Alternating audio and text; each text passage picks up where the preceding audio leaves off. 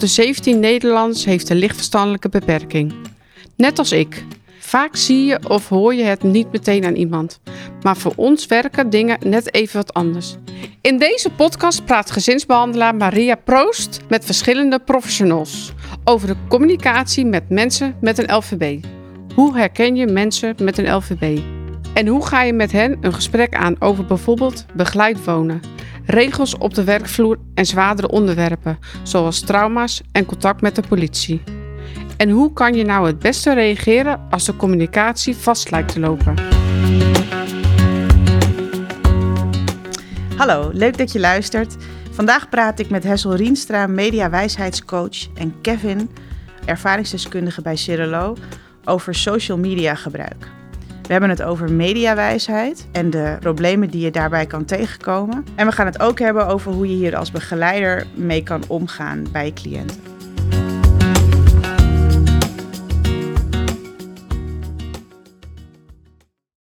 Oké, welkom bij uh, de vierde podcast over sociale media.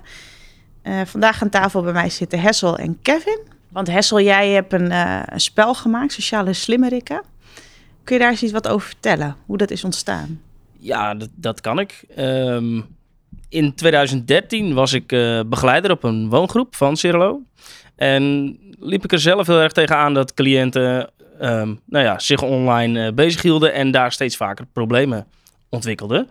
Uh, van online pesten tot aan nou ja, potentieel loverboy problematiek. En ja, ik, ik, ging als begeleider ging ik online op zoek om, ja, wat is er eigenlijk om daar gesprek over te voeren. Uh, met onze orthopedagoog gesproken. En ontdekte ik dat er eigenlijk heel weinig hulpmiddelen waren om daar gesprek over te voeren. En um, op dat moment zat ik ook nog op uh, een opleiding. Ik deed de SPH in deeltijd. De SPH bestaat niet meer intussen. Um, maar ik werkte dus bij Cirilo en ik deed die opleiding. En ik moest, voor mijn opleiding moest ik een product ontwikkelen. En toen dacht ik, hey, sociale media, daar is nog wel een gat. En uh, nou, toen hebben we een spel ontwikkeld, het Wie weet waar memory spel. En met dat spel onder de arm uh, zijn we naar Amersfoort gereden, naar uh, Cirlo. En toen zei Cirlo, dit moeten we hebben. En dat is vervolgens uitgebracht in Sociale Slimmerikken. Dus uh, ja, zo is het eigenlijk ontstaan. En, een, een, in de sneldraaivaart. Ja. ja. En sociale slimmerik vandaag ook meegenomen. En dat kunnen we helaas dan niet laten zien. Maar uh, kun je eens vertellen wat er zeg maar, uh, wat, wat is het voor spel? Nou, sociale slimmerik is in de basis een memory met uh, 15, 15 memories, dus uh, 30 speelkaarten. En die, uh, als je dan een memory maakt, iedereen kent dat denk ik wel. Mijn moeder noemde het vroeger altijd kaartje keren. Um, en als je dan een, een memory maakt, dan zitten daar voorbeeldvragen bij. Uh, want uh, elke memory die heeft een plaatje. Bijvoorbeeld een uh, controller van een PlayStation. En dat gaat dan over gamen. En er zitten dan voorbeeldvragen bij. Bijvoorbeeld, speel je zelf wel eens game, games op internet? En welke dan? En zijn er ook games die je liever niet speelt? maar als je je cliënten goed kent, dan kun je natuurlijk ook persoonsgerichte vragen stellen. Weet bijvoorbeeld van Kevin welke games die speelt. Dus als ik met Kevin dit, Kevin dit spel speel, dan kan ik hem gerichte vragen stellen. Dus zo werkt het eigenlijk. En er zitten ook nog wat doelopdrachten bij. Um, en eentje ervan, die ik zelf het meest tof vind, is uh, uh, Raad de Tekening. En dat is eigenlijk een spelletje die, die heel veel mensen denk ik wel kennen. Uh, gaan namelijk twee mensen met de rug tegen elkaar aan zitten. En de ene persoon die legt uit wat voor vorm er op papier staat. En de andere die tekent het na. En daar krijgt hij dan een minuut de tijd voor. Nou, en je raadt het al. Meestal gaat dat natuurlijk fout, hè, want er is een vorm te groot, of het staat in de verkeerde verhouding, of het staat verkeerd om, of wat dan ook. En um, um, dat, dat staat eigenlijk symbool voor wat er op internet ook gebeurt. Als je een appje verstuurt naar iemand, of als je iets op Facebook zet, of welke social media kanaal dan ook, dan, um, dan, dan komt het wel eens anders over dan dat je dat had, graag had gewild. Um, nou ja, dat, is, dat, dat, dat, dat gebeurt met deze oefening natuurlijk ook. En dus daar kun je het dan vervolgens over hebben. Ja, is dat jou wel eens gebeurd? Um, is de, hoe gaat dat dan? Wat ontstaat er dan? Sociale slimmerik is vooral ontstaan als, als hulpmiddel voor begeleiders om het gesprek te voeren over sociale media. Want waar ik heel erg tegenaan liep als begeleider op die woongroep, was dat cliënten uh, het liefst dat wat ze op social media doen, achter de schermen houden. Omdat dat toch een stukje is wat nog privé is. Wij als begeleiders weten al zoveel. Um, en, en, en ergens ook terecht, hè? want iedereen heeft natuurlijk recht op zijn privé en op zijn ruimte. Uh, maar als er een plek is waar heel veel dingen misgaan, is het ook goed om erover te praten. En sociale slimmerikken helpt heel erg om nou, met elkaar daarover te praten. En, en als je als begeleider misschien niet zoveel verstand hebt van sociale media, dan kun je ook sociale slimmerikken spelen. Want Kevin, bijvoorbeeld, die zit hier, die heeft heel veel verstand van sociale media, van gamen en van streamen. En daar gaat hij straks nog wat een en ander over vertellen. Ehm, die kan mij ook dingen vertellen. En dus ook de andere mensen aan tafel. Dus je hoeft als begeleider ook niet de expert te zijn. En dat is ook heel fijn. Kevin, jij, jij, weet heel veel over sociale media en over gamen, hoor ik net. Kun je daar eens iets over vertellen hoe jij daar... Uh, nou ja, ja, wat ik eigenlijk uh, even kort gezegd doe, is dan uh, livestream op uh, Twitch onder de naam van Van Daal. Dat is een lekker Nederlandse naam, een beetje, ja, een beetje apart. Maar um, wat ik dan doe, zeg maar, is dan live beelden uitzenden van mijn game, games die ik doe. Um, en dan kunnen mensen met mij meechatten.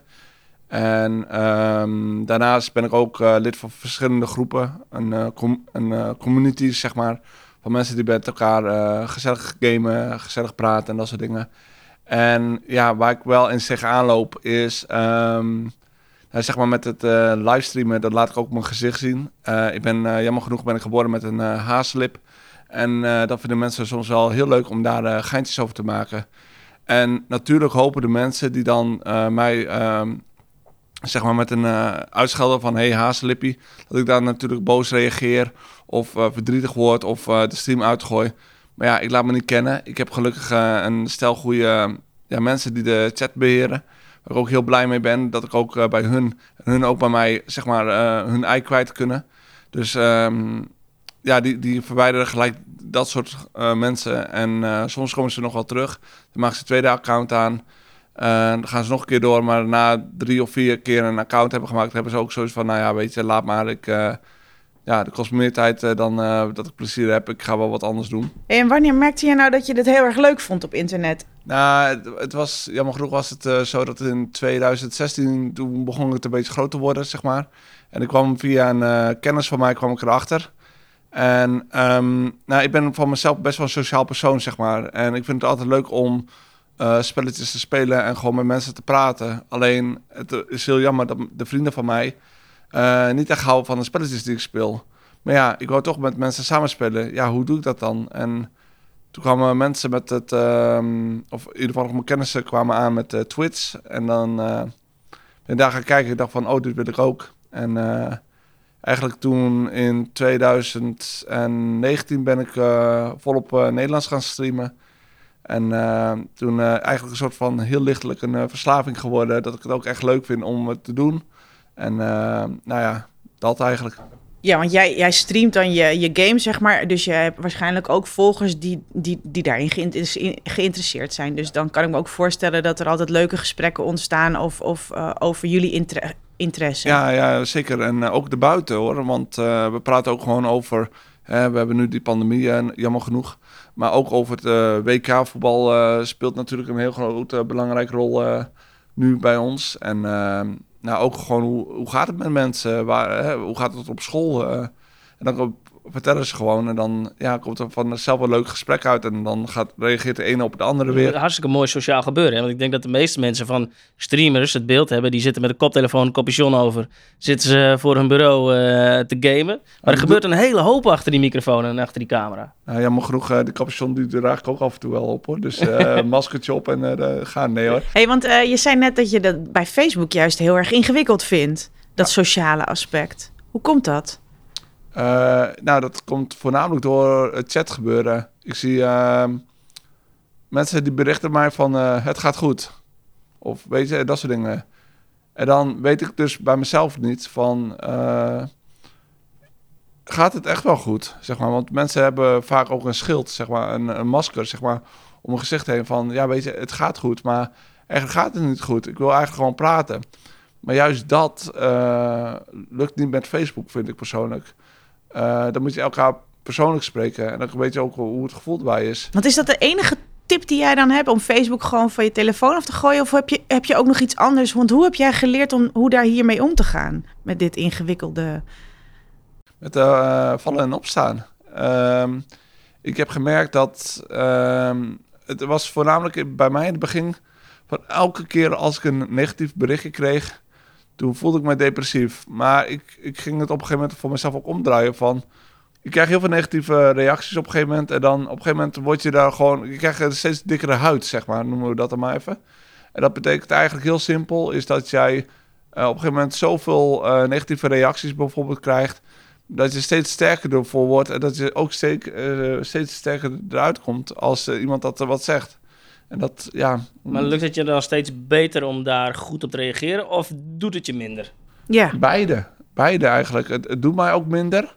Maar aan de andere kant, kijk, ik- ja, Want ik denk ook dat dat ook wel een gevaar is voor social media. Dat we ook steeds meer wel ja, op een bepaalde manier toch ook wel van elkaar accepteren. Je mag alles maar zeggen. Ja, maar dat is, dat is het rare, is dat eh, de... Dat, dat- ja, heel grappig genoeg. Ik merk dat dus ook gewoon met het gamen, het streamen... dat er soms eh jochies van eh 13 of 14 jaar zeg maar, in mijn chat komen... eh, en een grote bek geven. Maar als je dat laat zien eh, aan de ouders bijvoorbeeld... wat, ze, wat een kind doet... ja, dan, dan schrikken ze ervan vaak. En het probleem is alleen daarentegen... ouders die hebben geen, eigenlijk geen toegang tot... of begeleiders ook... Die hebben geen toegang tot hun kind of cliënt zijn telefoon. Dus die weet eigenlijk niet wat er is. En het, het spijtig genoeg gebeurt het ook wel eens, zeg maar, binnen een woning of met broers of zussen. Dat ik een berichtje bijvoorbeeld stuur en dat het heel verkeerd valt bij iemand. En die is dan boos op mij. Maar ja, een begeleider of een professional of een eh, ouder, die weet de, de helft nog niet van wat er gebeurd is. Ja, en probeer dan maar partij te kiezen. Wie is er dan fout? En dat, dat weet je niet. Wat, ja, Pietje zegt dat Klaasje het heeft gedaan, maar Klaasje zegt dat Pietje het weer heeft gedaan. Ja, dat Maar hoe, eh, hoe kunnen begeleiders daar dan meer inzicht in krijgen? Hè? Of ouders, hè? want je noemde ook ouders. Eh, want we, hopen natuurlijk dat hier heel veel begeleiders naar zitten te luisteren. Maar hoe, eh, hoe kunnen ze dan meer inzicht krijgen in jouw online wereld? Om jou even als voorbeeld te noemen. Nou, eh, een goed voorbeeld is interesse tonen, sowieso. Kijken wat de cliënt doet. En dus nou laat je de cliënt een keertje uitleggen wat hij doet. Want de cliënt weet dat, of een, of, ki- of een kind, zeg maar, die weet natuurlijk wel wat de social media inhoudt. En wees nieuwsgierig. Stel vragen. Ik denk dat dat juist het mooiste is om, eh, want dan heb je ook begrip. Dat laat je begrip, eh, of laat je, ja, toon je begrip, zeg maar, wat de ouder of kind doet, zeg maar. Volgens mij zeg je daar hele mooie dingen. Want, want juist op het moment dat je veroordeelt, hè, als ik zeg, joh, Kevin, kom nou eens een keer achter die computer vandaan. Je zit er nou vandaag al zo lang. Hè, maar dat is natuurlijk mijn mening. Ja, en dat gooit waarschijnlijk de deur dicht. Nou ja, waarschijnlijk open omdat je er doorloopt om eh, te roepen. Maar Ja, heel goed. Maar wat is dan te veel gebruik van social media? Wanneer game je te veel uur? Ehm, Ja, ik vind het wel mooi dat je het zegt, want dat is precies wat begeleiders heel graag vaak willen weten. Hè. Wat is dan te veel uur? Eh, eh, wat is te veel? Wat is gezond? Wat is niet gezond? Nou, eh, ik geef wel trainingen over social media. En laatst heb ik eh, toevallig samen met Kevin een training gegeven. En toen hebben we wat vragen opgevraagd die op de groep leefden. En een van die vragen was: ehm, kun je ons aangeven wat te veel gamen is? Nou, wij gingen met z'n tweeën naar die groep toe. En die begeleider die zat ook aan tafel. En er zaten een stuk of eh, zeven cliënten, denk ik, om tafel. En toen, toen vroegen we aan die cliënten: wat vinden jullie te veel gamen? Nou, er ontstond een fantastisch leuk gesprek over nou, wat gezond is of wanneer het niet gezond is. Nou, als ik mijn bed niet meer uitkom, is het misschien niet helemaal gezond. En die begeleider die, die ging achterover zitten en die dacht: Ah, ik kan het ze dus gewoon vragen. ja, en dat vond ik, zo, dat vond ik zo leuk, want dat leverde een heel mooi inzicht op, ook bij die begeleider. Die misschien nu ook over andere thema's misschien wel eens denkt: Ah, ik kan het ze gewoon vragen. Nou ja, en Kevin die deelde daar natuurlijk weer zijn ervaringen over het gamen. En dat leverde weer hele mooie gesprekken op. nou, en misschien is het ook wel niet uit te drukken in hoeveel uur is dan wel of niet gezond. Terwijl je daar wel heel erg naar neigt. Omdat, maar dat heb ik dan bij mezelf meer omdat ik het niet begrijp. Dat ik denk, ja, eh, vroeger vermaakten we ons op een hele andere manier. Dit is een nieuwe manier. Misschien is het wel heel slecht voor je. Nou, als iets slecht voor je is, dan moet je het maar zo min mogelijk doen op een dag. Dus dan, eh, ik kan me ook voorstellen dat er zo gedacht wordt, ook binnen de hulpverlening, maar ook voor heel veel ouders in Nederland die zo denken inderdaad over. Ehm, maar wat is dan goed en wanneer is het dan goed? Ja, er is absoluut een ontzettend gebrek aan kennis. En er is ook vaak sprake van handelingsverlegenheid. Van, we willen graag met, met, eh, met protocollen en met tabellen werken. Maar met dit soort thema's werkt dat niet. Want wat voor Kevin gezond is, dat hoeft voor mij niet zo te zijn. En, en waar Kevin heel veel verma- vermaak uit haalt, ja, dat hoeft voor mij niet zo te zijn. Dus het vraagt altijd maatwerk. En dat is bij, als je iemand begeleidt op social media, op internet, dan vraagt dat ontzettend maatwerk. Eh, want dan komen alle, alle levensdomeinen komen daar voorbij. Eh, Waar ben je naar op zoek? Wat wil je graag? Wat zijn je hobby's? Wat zijn je interesses? Maar ook wat zijn je valkuilen? Want ook daar is het heel belangrijk om naar te kijken. Want we weten ook van onze doelgroep, en met name met mensen met een, met een lichtverstandelijke beperking, eh, die hebben gewoon een aantal valkuilen in het leven waar we rekening mee moeten houden en waar we aandacht voor hebben. En op social media worden die valkuilen soms wel eens vergroot. Als het gaat om bijvoorbeeld erbij willen horen, meedoen, ehm, ehm, leuk gevonden worden. dat, dat, dat, dat, dat speelt zich in het offline leven speelt zich dat ook al af en is dat soms ook een probleem. Uh, en online is dat soms wel eens gevaarlijker. Dus het vraagt van ons als begeleiders, van ons als professionals, als organisatie, vraagt het ook een speciale aanpak en aandacht. Ja, het is ook wel zo dat uh, juist als je dan die aandacht krijgt, zeg maar, als persoon bijvoorbeeld, die daar hier wat onzeker over is, dan, uh, dan gaat het wel fout. Want dan heb je misschien wel kans, spijtig genoeg, op uh, loverboy situaties ja, dat er gelukkig niemand in mijn omgeving is daar ooit in aanraking gekomen maar, ik weet wel dat, dat, er, dat, dat er een doelgroep is en waar ik misschien ook wel bij hoor, maar ook andere mensen die daar wel misschien gevoelig voor zijn. Zeg maar van als we een keertje iets positiefs krijgen op een moment dat het even niet goed met me gaat en dat ik op zoek ben, ja, dan. ja. Ja. ja. juist op die kwetsbare momenten ben je misschien wel vatbaarder. Ja, zeker. Dus ja. Dat je dat zegt, ja. Ja, want dat is eh, want dat vroeg ik me nog af inderdaad. Wat maakt het dan inderdaad dat het op, juist op social media... want jij zegt dan is het eigenlijk gevaarlijker dan in het offline leven. Wat maakt het gevaarlijker? Nou, dat heeft er ook mee te maken dat uh, de mensen die kwaad willen... Uh, die, die weten de doelgroep vaak ook makkelijk te vinden.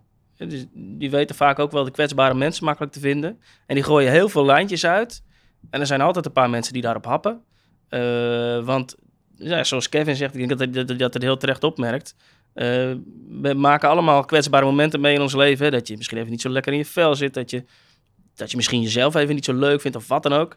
En als dan iemand complimentjes geeft en misschien wel eens een cadeautje stuurt en leuke dingen tegen je zegt, dan ben je misschien wel vatbaarder om daarin te trappen. Uh, dus het is heel goed om met elkaar te bespreken, met, uh, met cliënten, met begeleiders.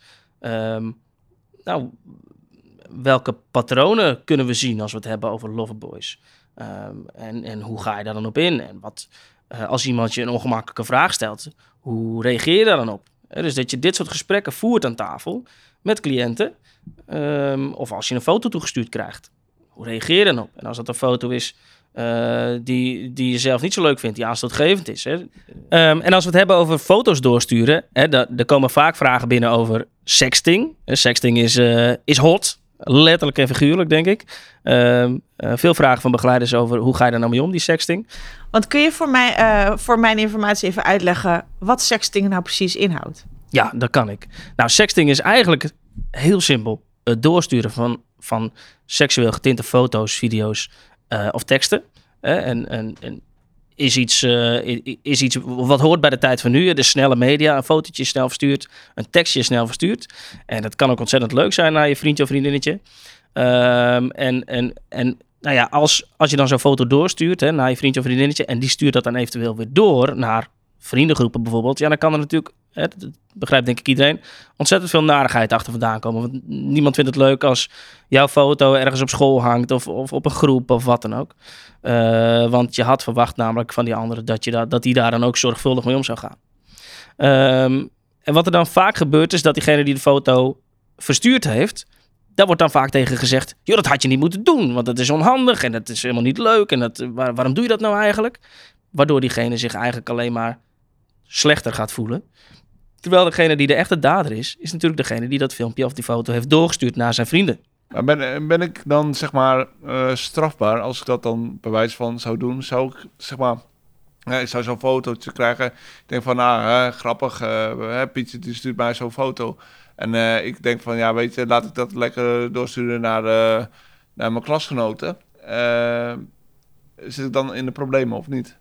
Daar kan je van in de problemen komen, Kevin. Dat is een hele goede vraag. Uh, het doorsturen van uh, seksueel getinte foto's of video's is strafbaar. En ik denk dat het ook heel goed is om daar het zwaartepunt te leggen bij degene die de foto's doorstuurt. Uh, dat die strafbaar is. Dat die de verkeerde dingen doet. En degene die de foto verzonden heeft, hè, die, die, die moeten we behandelen als slachtoffer. Die voelt zich al naar. Hè. Die, die, die zit al in de penarie. Die foto die hangt overal. Die, iedereen heeft die op zijn telefoon staan. Het versturen van zo'n foto hoeft natuurlijk helemaal niet verkeerd te zijn. Want het kan leuk zijn, het kan spannend zijn, het kan gezellig zijn, weet ik veel. Hè? En daar heb je ook vertrouwen in de andere partij dat die daar op een zorgvuldige manier mee omgaat. En op het moment dat hij doorstuurt, dan is hij strafbaar. En dan uh, uh, is diegene is natuurlijk de dader. Hè? Dat is degene waar we schuld aan moeten geven. Waar we vragen aan moeten stellen als... waarom heb je dat doorgestuurd? Want dat hoort niet zo. Dat mag niet. Want je hebt hem in vertrouwen ontvangen. Hey, en Kevin, want is het ook wel eens zo geweest dat het minder goed ging? Met jou? Uh, ja, ja, jammer genoeg uh, is dat wel een beetje een verhaal uh, wat ook wel een beetje persoonlijk is. Ik ben in mijn puberteit, zeg maar, dus zeg maar tussen de periode van, ja, nou misschien ook wel eerder 11 jaar en 19 jaar ben ik heel veel gepest. Ik heb in mijn buurt en ook op school ging het allemaal niet zo lekker. Um, daardoor werd ik uh, steeds thuis gekluisterd. En op een gegeven moment toen ontdekte ik via een, een goede maat van mij het spelletje World of Warcraft. En um, World of Warcraft, daar, dat speelde ik dan samen met hem. Er was altijd een beetje ouwe, een beetje geinen met elkaar. En we hebben echt kapot gelachen om de domste dingen. Maar op een gegeven moment toen was er een, een groepje mensen, Nederlanders, met wie we samen gameden. En uh, het was op een gegeven moment ook zo dat wij um, met elkaar, zeg maar, een, ja, eigenlijk één grote familie waren. En daardoor, um, en jammer genoeg, in die periode was ook dat mijn ouders heel vaak weg waren. Die hadden een hobby, zeg maar, dat ze eigenlijk vanaf uh, bijvoorbeeld zaterdag, dat ze om uh, tien uur in de auto zaten en pas om twaalf uur, één uur s'avonds uh, thuis kwamen. Dus ik zat altijd alleen. En juist om mijn verveling, maar ook mijn sociale contacten uh, ja, te hebben, gamede ik heel veel. En dat werd op een gegeven moment best wel zorgelijk. Ik, uh, als ik dan stopte met gamen, dan, dan begon ik ook te shaken.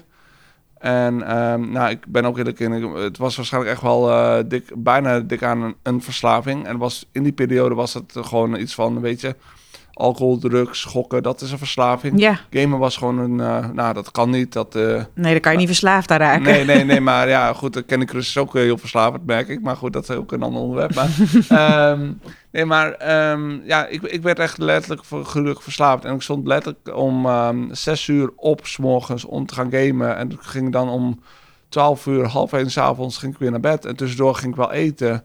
Uh, ging ik ook nog aan naar school toe. Maar mijn leven was wel het gamen, omdat puur mijn sociale contacten gebeurden daar. Uh, mijn moeder vond dat ik uh, weinig sociale contact had, dat ik weinig buiten kwam. Maar ja, wat heb ik in een, dorpje waar misschien een paar mensen wonen en de meeste mensen die kennen mij alleen maar negatief. Het is nog steeds wel zo uh, dat mijn ouders nog wel steeds zorgen hebben over mijn gamegedrag. Ben ik eerlijk in. Ehm, maar ja, ze kunnen ook niet zeggen van Kevin, dat willen we liever niet, weet je. Het is gewoon van, ik woon nu op mezelf. Ik, ik heb mijn eigen regels thuis, wat ik doe. Het enige wat ze uh, wel vaker doen nu tegenwoordig, en dat is wel heel fijn, is dat ze interesse tonen. Um, een goed voorbeeldje was toen een dat er een uh, spelletje, die zou twee maanden bijvoorbeeld stoppen. Dat was volgens mij Fortnite of zo. En de eerste keer dat ik uh, dat gebeurde, ik, wist, ik had er wel iets over gehoord, maar ik had er zoiets. En de eerste keer dat mijn vader over gamen begint, begint hij over dat spel bijvoorbeeld, weet je. En nou goed, ik was er aan de ene kant was ik heel blij mee dat mijn vader eindelijk een keer interesse toonde in mijn gamen. Aan de andere kant had ik liever gehad dat hij met een ander spelletje kwam dan Fortnite. Maar goed, dat is mijn eigen, eigen mening. Maar nee, maar dat was toen, toen daarna had ik wel een heel leuk gesprek met hun erover. Over nou ja, wat, hoe de wereld eigenlijk in elkaar steekt. En met gamen en social media. Nou, en, en wat ik me ook nog kan voorstellen, Kevin, is. Uh, je vertelt net dat gamen problematisch was. En nou, daar heb je heel veel tijd in, in, in zitten, denk ik, uh, vroeger. Maar nu game je weer heel veel, of misschien nog steeds. Uh, misschien dat luisteraars wel denken... Uh, ja, hallo, als je ooit verslaafd bent geweest aan, aan de drank... dan blijf je verslaafd aan de drank... en dan moet je eigenlijk niet vervolgens weer die trigger op gaan zoeken. Hoe lukt het je om dat nu op een gezonde manier te doen? Nou, het grappige is, ik ken de, van dat, ja goed, uh, het, als het gaat over social media, is gewoon keuzes maken nu. Keuzes wat ik belangrijk vind. Ik vind nu gewoon zo van, ik ga gewoon gamen als ik tijd heb. Maar um, ga ik naar mijn ouders, moet ik naar mijn ouders toe of moet ik naar mijn werk toe? Dan gaat dat voor, zeg maar. Eh, ik ga ook gewoon eh, eerder naar mijn vrienden toe dan dat ik game, zeg maar. Maar als ik dat die van tevoren week weet en ik heb even een dode moment, zeg maar, dan ga ik gewoon even spelletjes doen. En Ja. dan, eh, Maar omdat het kan dan. Ja. En niet omdat het moet. Want net zei je inderdaad, dan moest ik om zes uur opstaan en dan ging ik meteen gamen. Ja. Dus eigenlijk heb je op een betere manier keuzes leren maken. Wat nog niet, e- en je hebt nog niet eens zozeer wat e- extra's geleerd over, over social media of online zijn.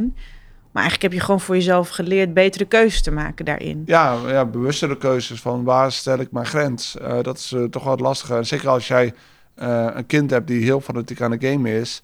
Ehm, tip voor de ouders ook wel een beetje is dat, dat hun wereld eigenlijk misschien wel veel groter is dan jullie zelf denken. Ehm, er zijn bijvoorbeeld eh, tools eh, online voor kinderen. Eh, Disc- Discord bijvoorbeeld is een heel grote chatplatform voor gamers, zeg maar. Het kan maar zo zijn dat jouw kind of jouw cliënt misschien ook wel op dat platform eh, zit en ze eigenlijk daardoor heel veel contact heeft. Maar ja, daar kom je niet achter als je niet de vraag stelt. En dat is juist de bedoeling om, om je open te stellen en eens te vragen van... Hè, je gamet heel veel.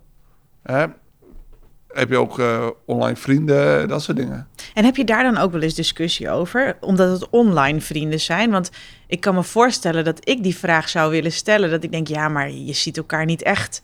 Dus is het dan ook wel echt contact? Nee, nee, dat is inderdaad de, de beeld wat je hebt. Maar eigenlijk is dat misschien wel een beetje... Ja, misschien is het wel zo, misschien is het niet zo. Ik heb door het eh, online wereld, zeg maar, heb ik best wel mensen ontmoet. Eh, een jongen uit eh, Apeldoorn toevallig heb ik privé ontmoet. die ik al een jaar kende van het gamen. Ben gewoon een bakje bij hem geweest doen. Even het spelletje gedaan. Even een beetje, ga, een beetje gepraat en dat soort dingen. was hartstikke leuk. Ehm, maar ja, het, het zijn wel online vrienden. En ja, het is wel heel lastig om iemand te vertrouwen. Ja, Eh, dat is wel een ding waar ik ook eh, zelf al, eh, ook al af en toe wel zorgen over heb. Maar spreek je dan zomaar met diegene af? Of, of, of hoe je gaat nog- dat dan? Doe, doe je dan nog... eh, Eh, nee, voor, nou, kijk, voor mij persoonlijk is het zo dat ik dan die eh, persoon die, ehm, die ken ik dan al in principe al een jaar. Ik weet hoe diegene is. Ik, ben, eh, ik ken ook zijn gezicht, zeg maar. Ehm, jammer genoeg ken ik zijn lengte niet, want hij was echt heel lang. Maar goed. Ehm, maar ehm, nee, ik, ik heb toen heb ik dan zeg maar met de begeleiding heb ik afgesproken van luister, ik ga naar die jongen toe. Ik geef jou, eh, geef jullie even mijn nummer. Van als er wat mis is, ik ben daar, daar, ook het adres erbij. Ja, dan eh, ging, ging ik daar naartoe. En ze hebben ook onbewust hebben ze mij even geappt tijdens het gesprek van gaat alles goed? Nou, ging alles ging goed. Het was gezellig. Nou, goed, en dan eh, is het best. Dus je bent heel open over je online contacten. Dus Ja, is, ik eh, wel, maar ja. ik weet ook wel zeker dat er heel veel mensen zijn die dat niet zijn. Ook puur omdat ze niet weten wel hoe ze zich erbij voelen. Is het wel mijn vriend? Is het niet mijn vriend? Eh, vindt dat meisje mij leuk? Vindt, dat, vindt die jongen mij leuk? Weet je, dat zijn allemaal van die, van die dingen waar je, ja, het heel lastig is.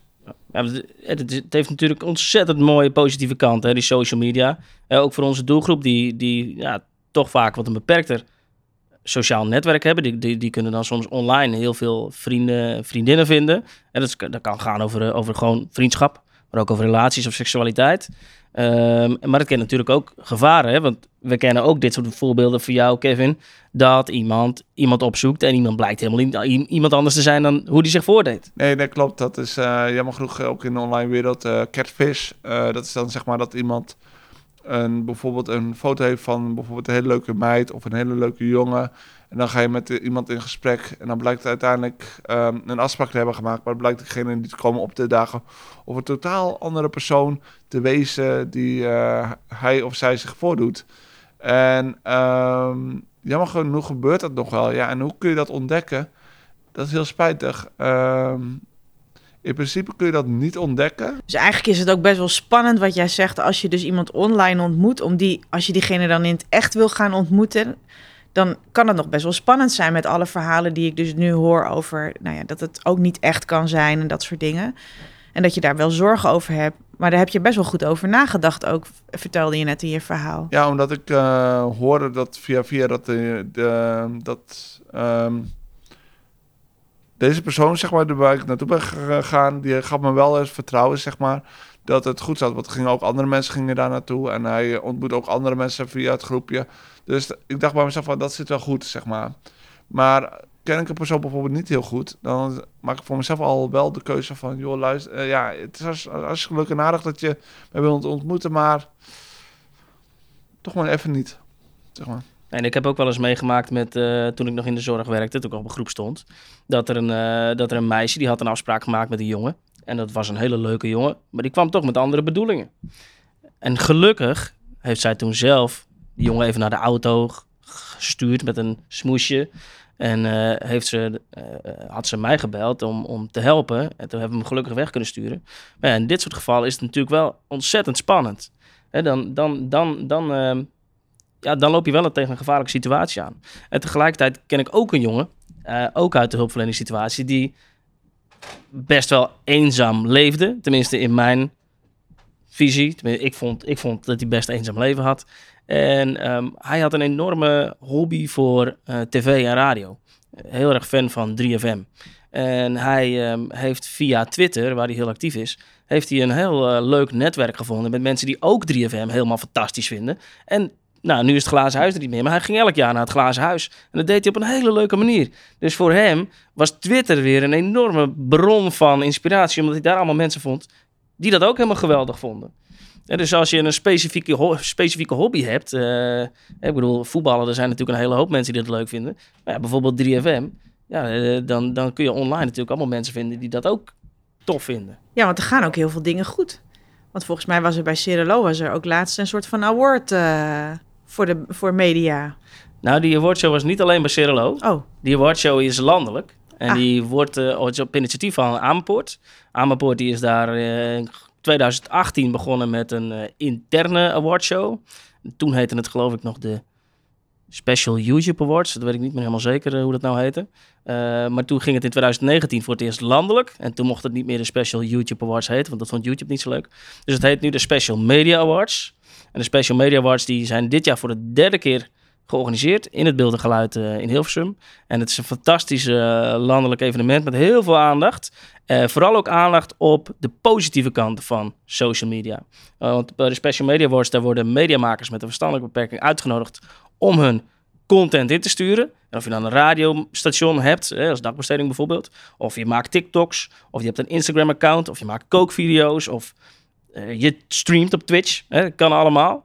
Uh, dan kun je dat insturen en dan gaat een uh, professionele jury die gaat dan beslissen of je die award hebt gewonnen. En dat vind ik echt een fantastisch evenement, omdat juist daar die hele mooie kant van media maken naar voren komt. Omdat er namelijk ook een hele hoop mensen met een verstandelijke beperking, of autisme, of een combinatie van de twee, of welke beperking dan ook, enorme talenten hebben. En die kunnen ze bijvoorbeeld via social media op een hele laagdrempelige manier naar voren brengen presentator worden van een, van een YouTube-kanaal is makkelijker dan presentator worden bij de NPO. Ik zeg maar wat. dus dan kun je natuurlijk, uh, ja. Dan vraag ik me toch een beetje af, hè? Want uh, ik heb dan ook wel veel vaak contact met cliënten en we hebben het ook wel eens over social media. En wat ik dan wel ingewikkeld vind, is dat soms ook wel eens de waarheid op social media zo hard wordt neergezet dat, dat het zo geloofwaardig is eigenlijk dat de ander niet meer echt te overtuigen is ook van, van het tegendeel. Ja, nou ja, Facebook is natuurlijk ontzettend goed. En bijvoorbeeld Facebook is natuurlijk ontzettend goed in, uh, in jou altijd die verhalen naar voren te laten komen die, uh, die, die, nou ja, die je al vaak hebt bekeken. Dus je, je krijgt heel erg eenzijdig informatie, en noemen we dat dan. Uh, en hoe je daarmee omgaat, ja, in gesprek blijven. En steeds ook die andere kant wel blijven toelichten natuurlijk. Hè? Maar uh, ja, social media is uh, heel goed in het verleiden van ons uh, in die kant die wij graag willen zien. Als we daar al een keer op geklikt hebben, dan, eh, dan komt dat soort informatie, dat soort berichten komt altijd weer terug. Dit gesprek erover voeren, als iemand al een mening gevormd heeft, is natuurlijk ingewikkeld. Hè? Want je zegt al, dan wil ik iemand graag overtuigen. maar dat is ontzettend ingewikkeld. Ik zou liever dan daarvoor al gaan zitten... Uh, dan gaat het ook over informeren van cliënten, met elkaar gesprekken voeren over hoe herken je dan nepnieuws en hoe herken je bijvoorbeeld een nepshop. Hè? Uh, want er zijn natuurlijk ook webshops die niet echt zijn en waar je wel kan betalen, maar waar je niet iets toegestuurd krijgt. Nou, je kunt bijvoorbeeld ook met Sociale Slimmerikken daarover praten. Sociale Slimmerikken heeft ook een kaartje die heet online shoppen. En daarin zit bijvoorbeeld ook hoe herken je dan een echte webshop. Hè? Nou, er zijn natuurlijk keurmerken voor. En het keurmerk logootje alleen op de website is natuurlijk niet genoeg, hè, want die kan iedereen wel eh, erop kopiëren, maar je kunt er ook nog even verder klikken. Dus daar kun, je, daar, kun je ook over praten en met elkaar informatie over uitwisselen. Dus ik zou liever aan die kant gaan zitten, want eh, de, als we gaan hebben over overtuigen van wat wel of niet eh, nepnieuws is, dan, dan hebben we het eerder over gesprekstechnieken, denk ik. Ehm, maar het gaat mij meer om het informeren vooraf. Hoe herken je dat dan? En als je nepnieuws tegenkomt op social media, eh, wat kun je daar dan mee? Nou, je kunt dat bijvoorbeeld ook rapporteren. En, en doe dat dan ook zoveel mogelijk. Hè? Als je echt iets tegenkomt waarvan je zegt, nou, dit klopt niet, dit is echt nepnieuws, rapporteer het dan. Hè? Want dan kan bijvoorbeeld een organisatie als Facebook daar misschien iets mee en ik kan het er dan afhalen. En dan wil ik jullie allebei in ieder geval heel hartelijk bedanken om eh, vandaag met mij te, te hebben gepraat over social media en de problemen die je daar af en toe bij kan eh, ervaren. Maar vooral ook de leuke dingen die je daaruit kan halen. En de mooie tips die we hebben eh, verzameld eigenlijk, hoe we hiermee om kunnen gaan. Want het is wel een onderwerp wat we nou, voor altijd in onze samenleving zullen hebben. Dus we ook mee moeten omgaan. Een veel besproken thema, maar misschien nog te weinig. En dan verandert het ook heel snel. Hè? Wat vandaag uh, helemaal hip is, is morgen alweer heel oud. Dus. Dat is ook zo. Het verandert ook heel snel. Oké, okay, dank jullie wel. Bedankt dat je de tijd hebt genomen om te luisteren naar deze podcast. Ik hoop dat je anders bent gaan kijken naar mensen met een lichtverstandelijke beperking. Deel de podcast ook met anderen, zodat ook zij mensen met een LVB wat meer kunnen gaan begrijpen. Kijk op cerelo.nl slash ZLVB voor meer informatie en een handige checklist om mensen met een lichtverstandelijke beperking beter te herkennen.